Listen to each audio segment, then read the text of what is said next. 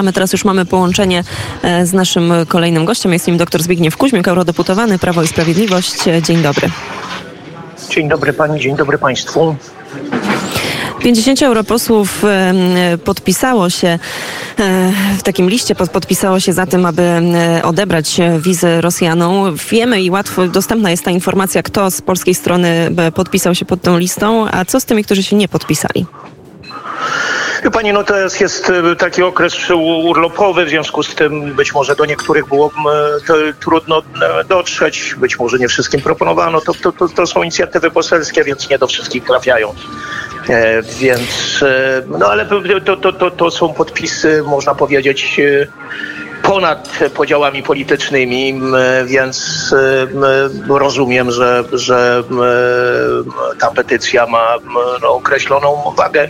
Tyle tylko, że znając sobie pani realia, to znaczy podejście do tej kwestii ze strony nie, niektórych krajów, zapewne przeprowadzenie tego na, na, na poziomie Unii Europejskiej będzie szalenie trudne. Być może to tylko zmobilizuje część krajów, żeby no, przy pomocy krajowych działań to wydawanie wiz turystycznych ograniczyć. No Polska to w zasadzie już zrobiła bo według informacji Ministerstwa Spraw Zagranicznych ilość wiz turystycznych y, ograniczona została dziesięciokrotnie, a mówiąc wprost, pan minister Felceng powiedział, że w zasadzie wiz turystycznych Rosjanom nie wydajemy poza przypadkami losowymi związanymi z relacjami rodzinnymi,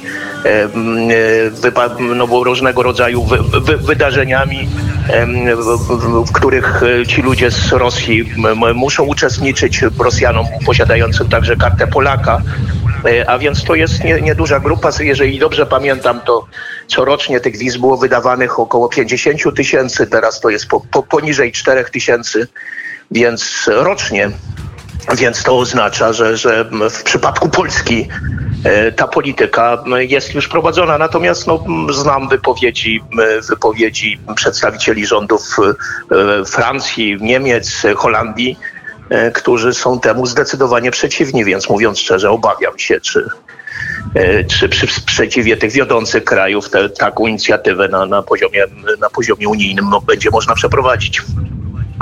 Bo to jest faktycznie tak, że w zależności od miejsca nieco ta perspektywa się zmienia. Radio Wnet dzisiaj nadaje e, z Estonii, Stalina. Jutro będziemy, e, przynajmniej część z nas będzie w Narwie. Tam 98% mieszkańców stanowią osoby rosyjskojęzyczne. Estonia zresztą była jednym z tych państw europejskich, które jako pierwsze wyszły z inicjatywą odebrania tych e, wiz Rosjanom. No ale dobrze, jeszcze jeden krótki temat. Światowa Stolica Praw Człowieka, bo tak możemy mówić o Hadze, poprosiła o zwolnienie z sankcji, żeby móc po prostu kupować gaz od Władimira Putina. Jakby pan to skomentował? No wie pani, to jest y, już kompletne oderwanie od rzeczywistości. To jest rzeczywiście skoncentrowanie się tylko na, na, na własnych sprawach. No, trudno tu mówić o jakiejkolwiek formule solidarności e, europejskiej. Mówiąc szczerze, jestem zdumiony, że ja oczywiście zdaję sobie sprawę, że w krajach Europy Zachodniej, bo przecież tam często bywam. Te, te nastroje e, e, prorosyjskie są niesłychanie silne. Zresztą rządy tych, tych krajów je umacniały przez, przez wiele lat, między innymi właśnie tą polityką gospodarczą, polityką handlową.